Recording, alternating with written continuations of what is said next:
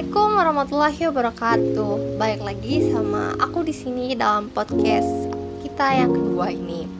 Uh, Sebenarnya di sini aku bakal cerita-cerita lagi mengenai kePLB-an itu sendiri.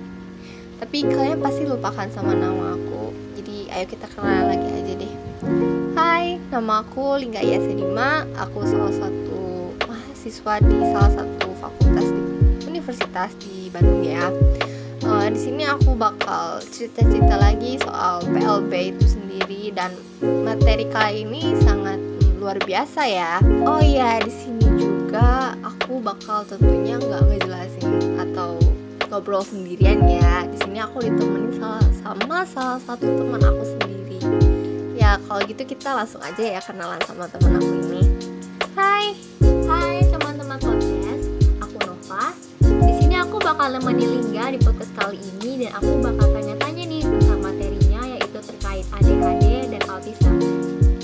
Untuk di part yang ketiga ini eh, aku bakal jawab nih pertanyaan dari Nova tentang pertanyaan kemarin itu kayak apa sih alat identifikasi yang harus digunain kan buat asesmen bahwa anak itu emang ADHD atau autism. Oke, di sini aku mau jelasin untuk kelanjutan misalnya anak itu mempunyai ciri-ciri yang disebutkan sebelumnya kayak gitu. Misalnya dia ADHD atau autisme kayak gitu. Nah orang tua ini kan yang paling dekat biasanya ya. Dan dia itu harus uh, menilai gitu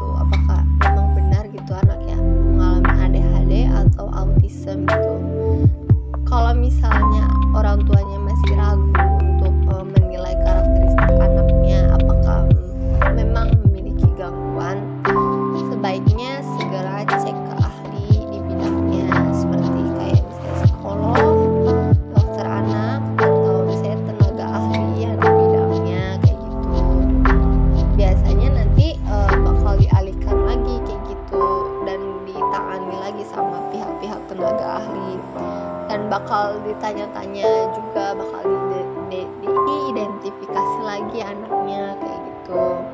Apakah memang benar gitu anaknya mengalami ADHD atau autism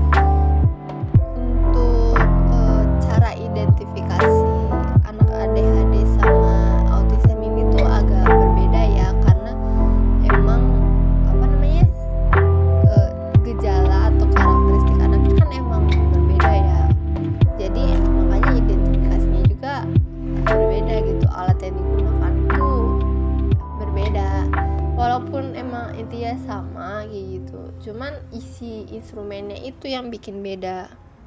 Nah kalau misalnya untuk anak ADHD itu e, cara identifikasinya itu kan karena ini dilihat dari anak-anak yang biasanya ke kelihatan normal ya pada dasarnya.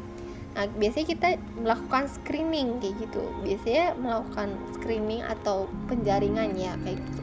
Dicari di e, populasi anak itu pada tingkat TK terus di SD atau SDLB yang kayak gitu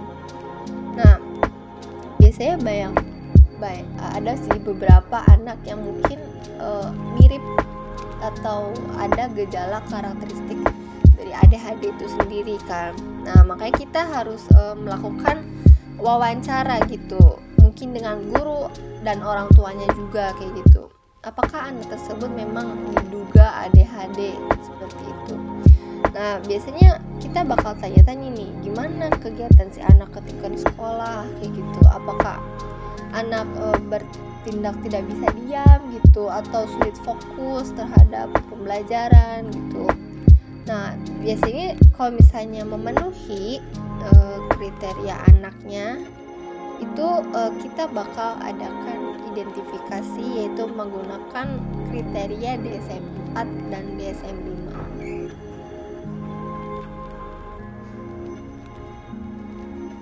Kalau dalam uh, eh, ADHD sendiri itu kan tadi udah dibilangin kan ada DSM-4 sama DSM-5 nah kita tuh menggunakan cara DSM-4 dulu kayak gitu. Nah di DSM-4 itu kita menggunakan instrumen dari Iowa Corners Rating Scale yaitu uh, identifikasi yang isinya itu kayak beberapa soal pertanyaan gitu mengenai kegiatan anak yang memang uh, ada karakteristik ADHD-nya gitu. Apakah ketika di sekolah dan di rumah itu uh, dilakukan dalam jangka atau taraf yang kadang-kadang atau emang sangat sering gitu. Dan juga kita bisa menilai apakah uh, si anak ini mengalami karakteristik ADHD ini hanya di sekolah di satu tempat seperti di sekolah atau di rumah atau mungkin keduanya kayak gitu dan juga uh, penilaian identifikasi ini tuh kan uh, total skornya itu sekitar uh, 30 30 atau 40 ya 30 40-an nah jika rata-rata uh, atau minimalnya itu uh, 18 nah kalau anak lebih dari 18 kita harus lanjut pada uh, pengidentifikasian untuk DSM 5 nya itu sendiri kenapa kita tuh harus lanjut ke DSM 5? Karena di DSM 5 ini kita akan uh, mengidentifikasi lagi bagaimana gejala inantesinya dan gejala hiperaktivitas yang terjadi sama anak tersebut. Apakah anak tersebut mengalami uh, sering mengalami atau memang tidak kayak gitu dan itu penilaian dari kita sendiri gitu karena kita melihat uh, sudah di dua tempat gitu dari orang tua maupun sekolah kayak gitu sekali melakukan kecerobohan kayak gitu. Atau sering mengalami sulit uh, berkonsentrasi atau gejala hiperaktivitas yang tinggi kayak gitu. Lalu kita mungkin akan membuat kesimpulan bahwa anak tersebut memang mengalami ADHD atau tidak kayak gitu. Nah untuk uh, identifikasi anak autisme itu sendiri sama aja menggunakan DSM 4 dan DSM 5 untuk menentukan apakah memang benar anak tersebut mengalami autism. Nah, tapi sebelum melakukan DSM 4 dan DSM 5, ada instrumen-instrumen sebelumnya yang harus kita berikan kepada uh, orang tua bersangkutan juga kita sebagai uh, pengidentifikasi uh, anak tersebut kayak gitu.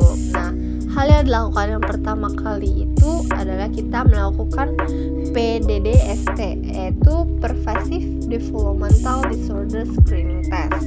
Nah, jadi gunanya apa sih PDDST ini? Kita tuh menilai gitu bagaimana uh, anak ketika berada di usia 12 sampai 18 bulan dan kategori 18 sampai 24 bulan.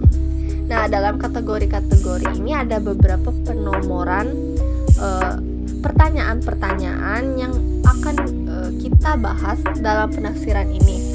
Nah, dalam penafsiran ini untuk uh, jumlah pertanyaan lebih dari tiga jika iya dalam nomor ganjil maka anak tersebut mem memiliki uh, karakteristik gangguan autism dan harus ditindaki lebih lanjut.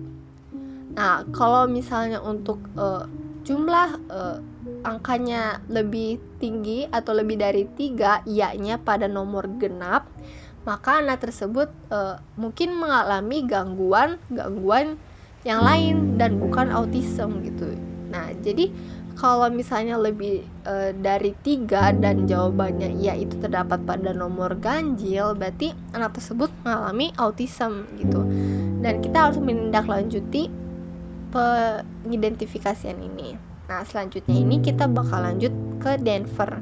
Lalu apa sih gunanya Denver? Denver itu e, sebagai penilaian kegiatan normal anak ketika usia 2 sampai 3 tahun ini, sekitar 2 sampai 3 tahun ya. Nah, kegiatan-kegiatan normal apa aja sih yang biasanya dilakukan pada anak-anak umur segitu? Biasanya kan anak sudah bisa buang air kecil sendiri kayak gitu. Terus bisa makan sendiri. Uh, ya walaupun masih mungkin disuapi tapi setidaknya dia belajar. Terus bisa memakai pakaian sendiri. Atau dia sudah bisa berkomunikasi seperti memanggil mama, papa, bunda seperti kayak gitu. Namun jika anak tidak melakukan kegiatan normal pada usianya, maka tidak diperlukan Denver. Lalu lanjut kepada skala derajat autisme anak. Di sini terdapat uh, apa banyak sekali uh, persoalan-persoalan yang akan dilihat gitu. Bagaimana persoalan-persoalan uh, ini terhadap anaknya? Apakah anak tersebut mengalami gejala normal ringan sedang atau berat gitu Nah, kita bisa menilai karena ada berupa skor di setiap permasalahan-permasalahannya seperti bagaimana uh, hubungan kemampuan bergaul anak ketika di umur segitu atau imitasi menirunya itu tingkatannya seperti apa kayak gitu. Nah, nanti kita bakal melakukan identifikasi penilaian.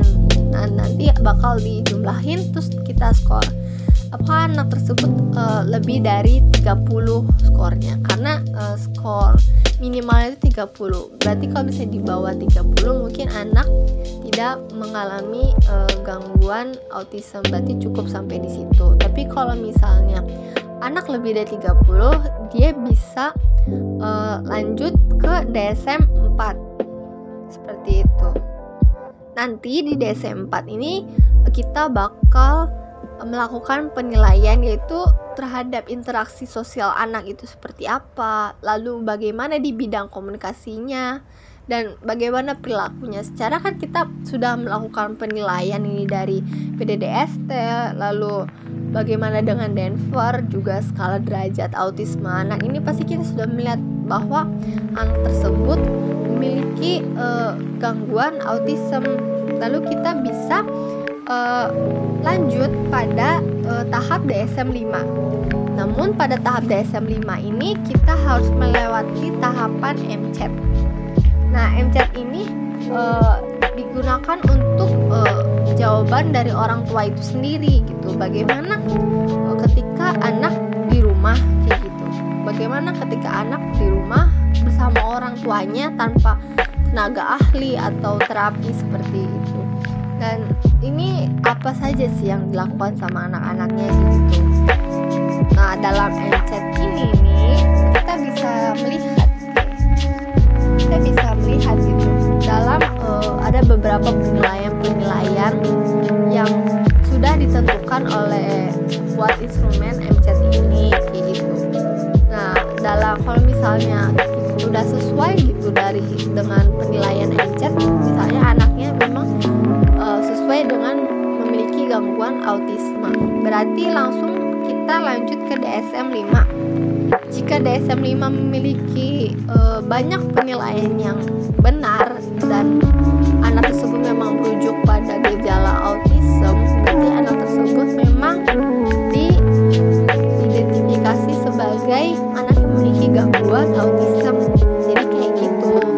Sebenarnya agak panjang ya prosesnya kayak gitu. Cuman emang banyak banget beberapa faktor yang terjadi jadi kita memang harus lebih banyak bertanya untuk menentukan apakah memang benar gitu orang mengalami autisme atau ADHD gitu. Nah, gimana nih? Kan aku udah nih jawab-jawab pertanyaan dari kamu semua dan aku udah ngejelasin sama kamu gimana sih ternyata ADHD sama autism dan menjelaskan atas kekepoan kamu gitu. Nah sejauh ini gimana sama pemahaman kamu?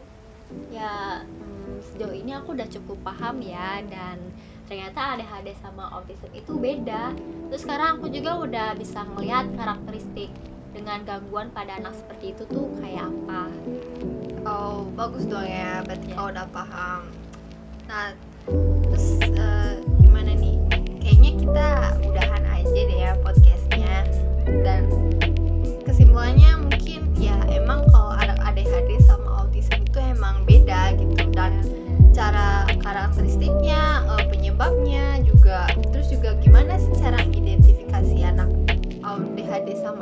sama autis itu jadi mungkin kita udah selesai aja sekarang ya oke jadi kita sampai sini dulu ya teman-teman podcast sampai ketemu lagi di podcast selanjutnya Assalamualaikum warahmatullahi wabarakatuh. Bye bye.